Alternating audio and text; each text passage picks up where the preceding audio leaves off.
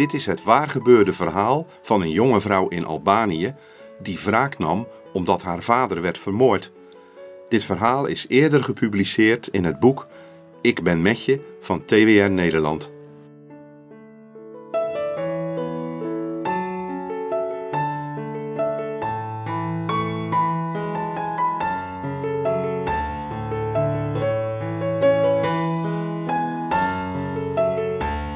Er was iets heel erg mis.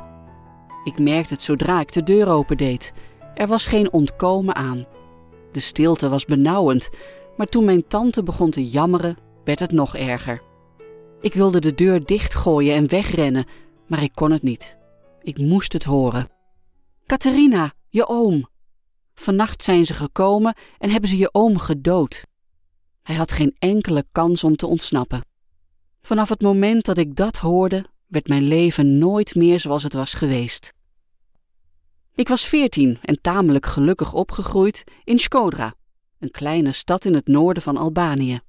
Ik was de oudste van zeven kinderen. Echt rijk waren we niet, maar dat gold ook voor mijn vriendinnen, dus ik had er geen last van. We droomden van de dag dat we een knappe, rijke man zouden ontmoeten en een geweldig leven zouden krijgen. Het was begin jaren negentig. Onze dictator, Enver Hoxha, die ons land jarenlang in een ijzeren greep had gehouden en had geïsoleerd van de rest van de wereld, was gestorven. De tijd van het communisme lag sinds een paar jaar achter ons en de grenzen gingen open. Ik ging naar school, leerde makkelijk en kreeg veel vriendinnen. De toekomst lag open, dacht ik. Catharina, kom eens hier, ik moet met je praten. Het was twee dagen na de begrafenis. En ergens diep van binnen voelde ik dat er nog meer slecht nieuws kwam.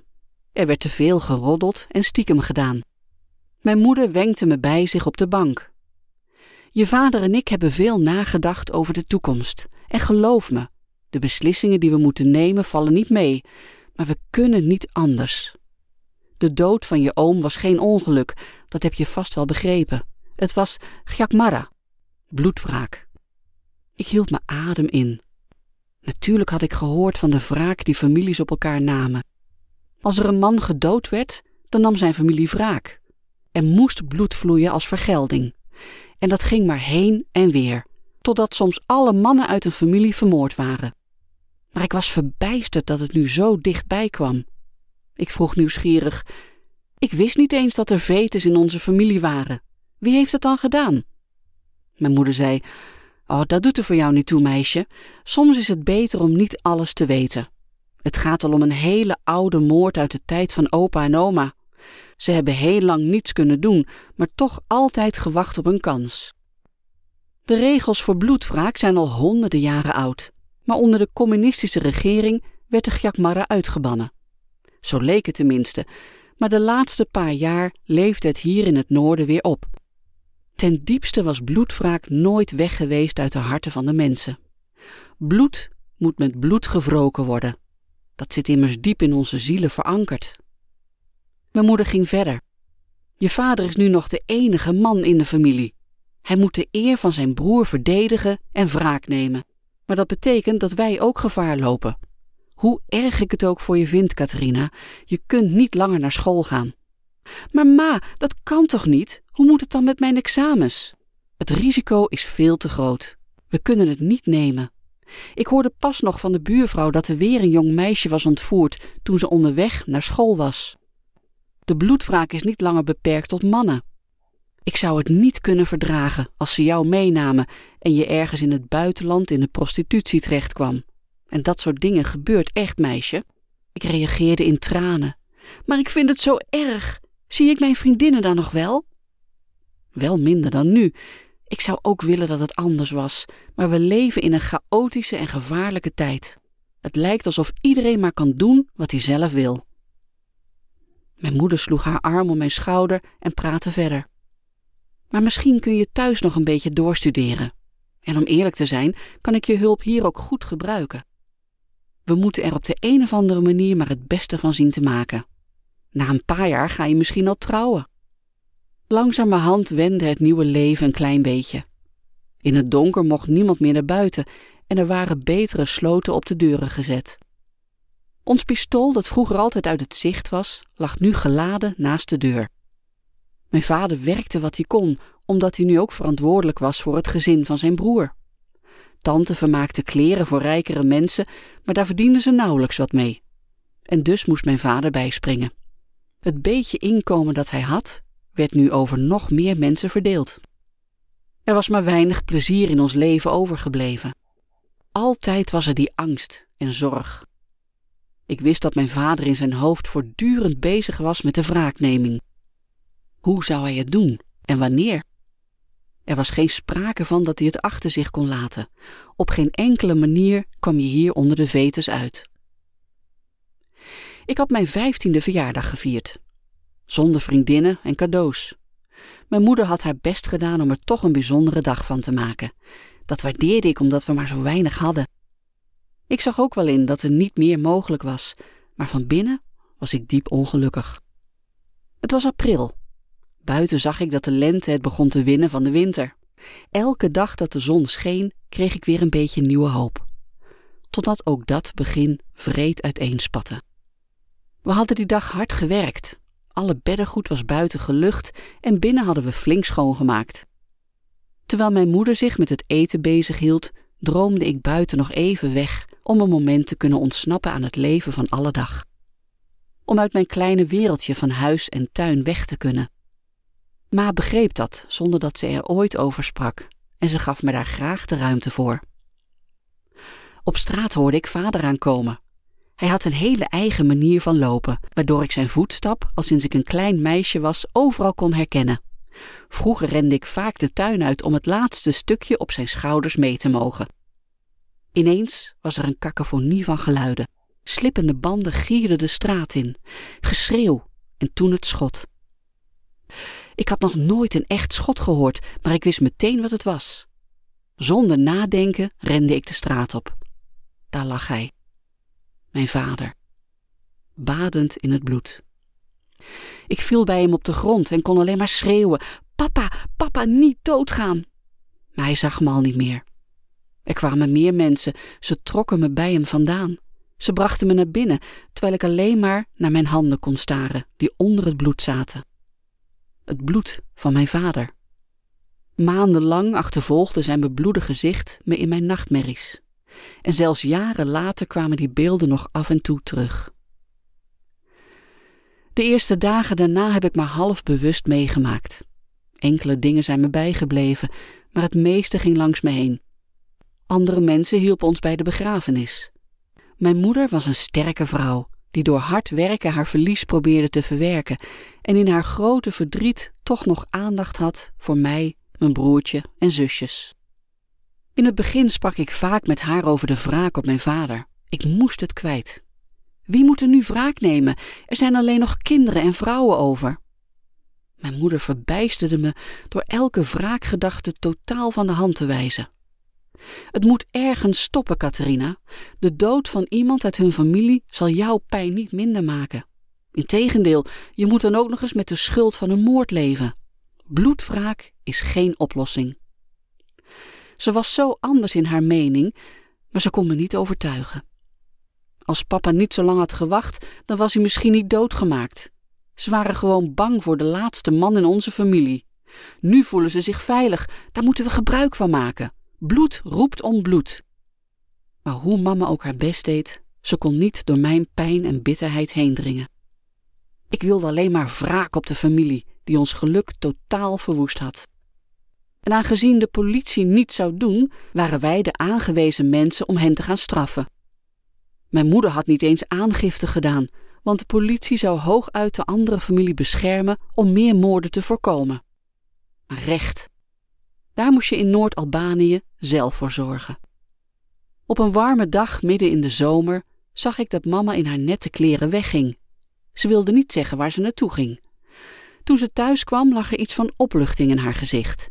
Ze neuriede zachtjes onder het koken, iets wat ik haar sinds de dood van mijn vader niet meer had horen doen. Maar ik moest nog tot de avond wachten voor ik erachter kwam wat er aan de hand was. Pas toen de anderen in bed lagen, begon ze erover te praten. Catharina, ik heb de laatste tijd veel over jou nagedacht. Zoals het nu gaat, kan het eigenlijk niet verder. Je wordt verteerd door de woede en je kunt geen kant op. Hier in Skodra is het niet veilig en dat zal het ook niet worden. Het zou goed zijn als je een poosje weg kon, naar Italië bijvoorbeeld. Misschien dat de vetes op die manier kunnen stoppen. Ik ben al een tijdje bezig geweest om plannen te maken en nu is er een kans. Je kunt daar bij een familie wonen die een bakkerij heeft.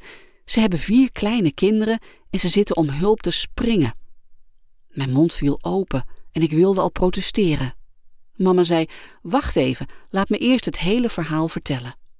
Het is niet voor altijd. Vanmiddag ben ik bij de familie Mexi geweest. Hun tweede zoon, Ilji, is al twintig. Als je terugkomt, willen zij je graag in de familie opnemen als hun schoondochter. De Mexi's, die zo arm waren, ik moest het even verwerken. Dat betekende het einde van mijn droom om ooit met een rijke man te trouwen. Maar ach, dromen waren immers toch bestemd om dromen te blijven. Ili kende ik wel een beetje.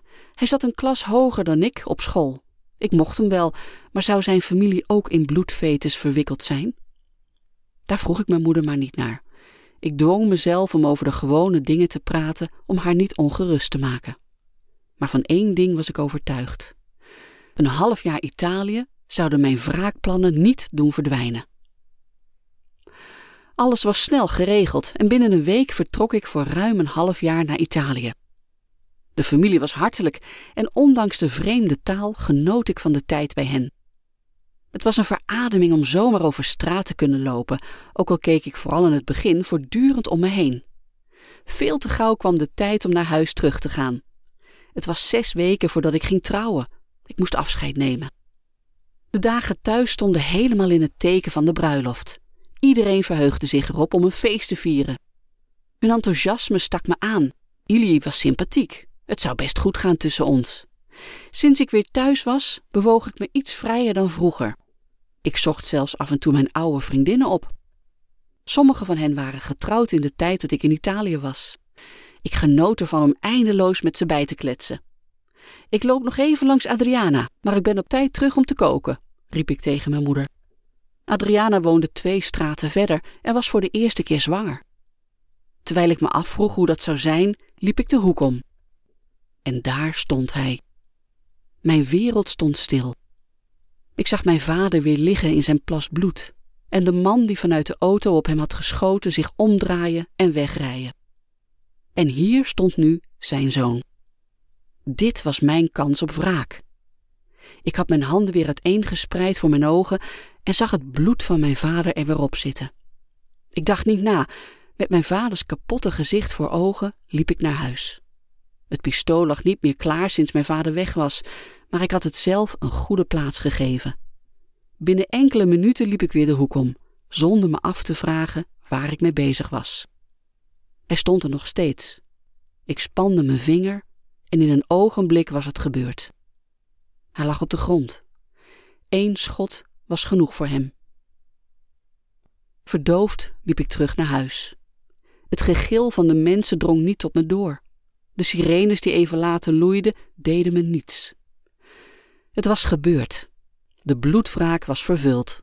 Het recht had gezegevierd. Maar ik voelde niets.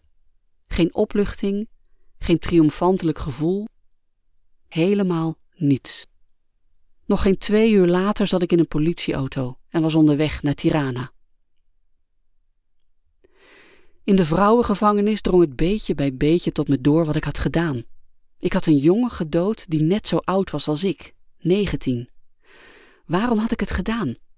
Mijn vader was gewroken, maar het hielp me niets.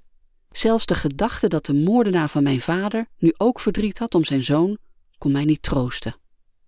Al deze gedachten maalden door mijn hoofd. Dat ging maar door, overdag, maar ook in de lange nachten. En als ik sliep, had ik nachtmerries over mijn vader en deze jongen. Soms maakte een van de andere vrouwen me wakker als ik weer eens lag te schreeuwen in mijn slaap. Ze begrepen het wel.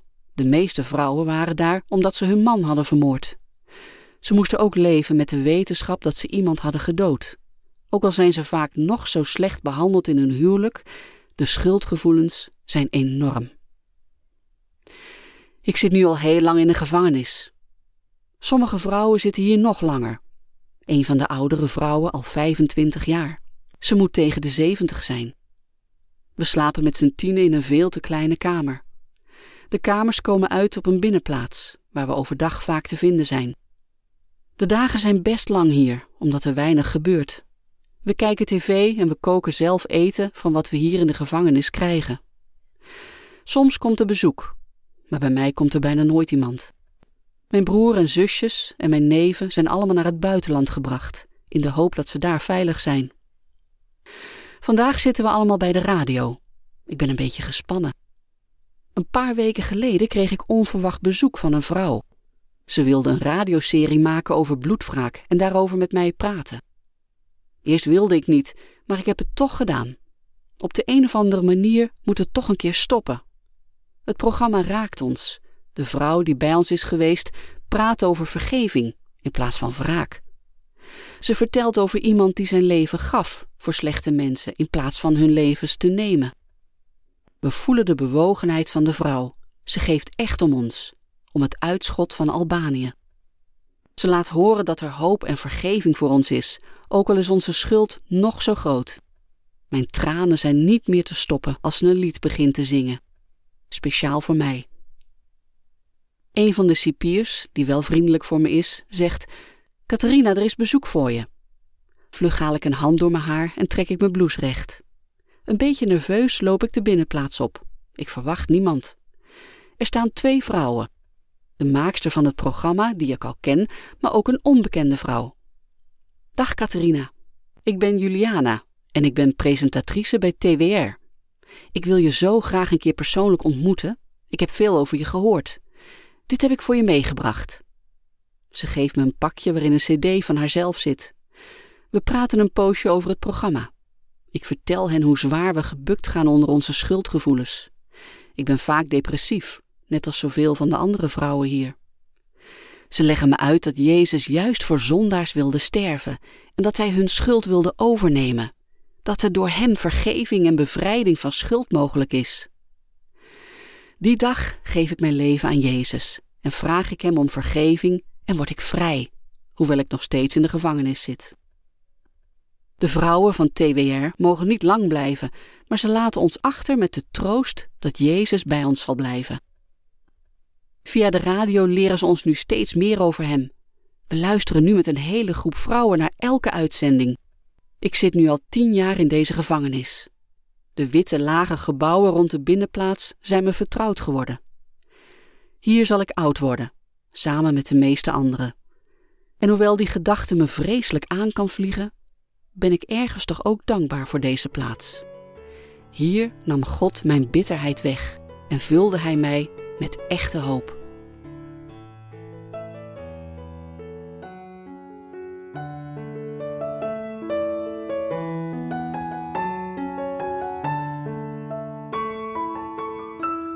Wilt u het boek Ik ben met je zelf lezen? Dan kunt u dat bestellen via www.ikgavoorjeuit.nl. Ik herhaal www.ikgavoorjeuit.nl. Als u uw naam en adresgegevens vermeldt, dan sturen wij het u toe en betaalt u alleen de portokosten van 2 euro.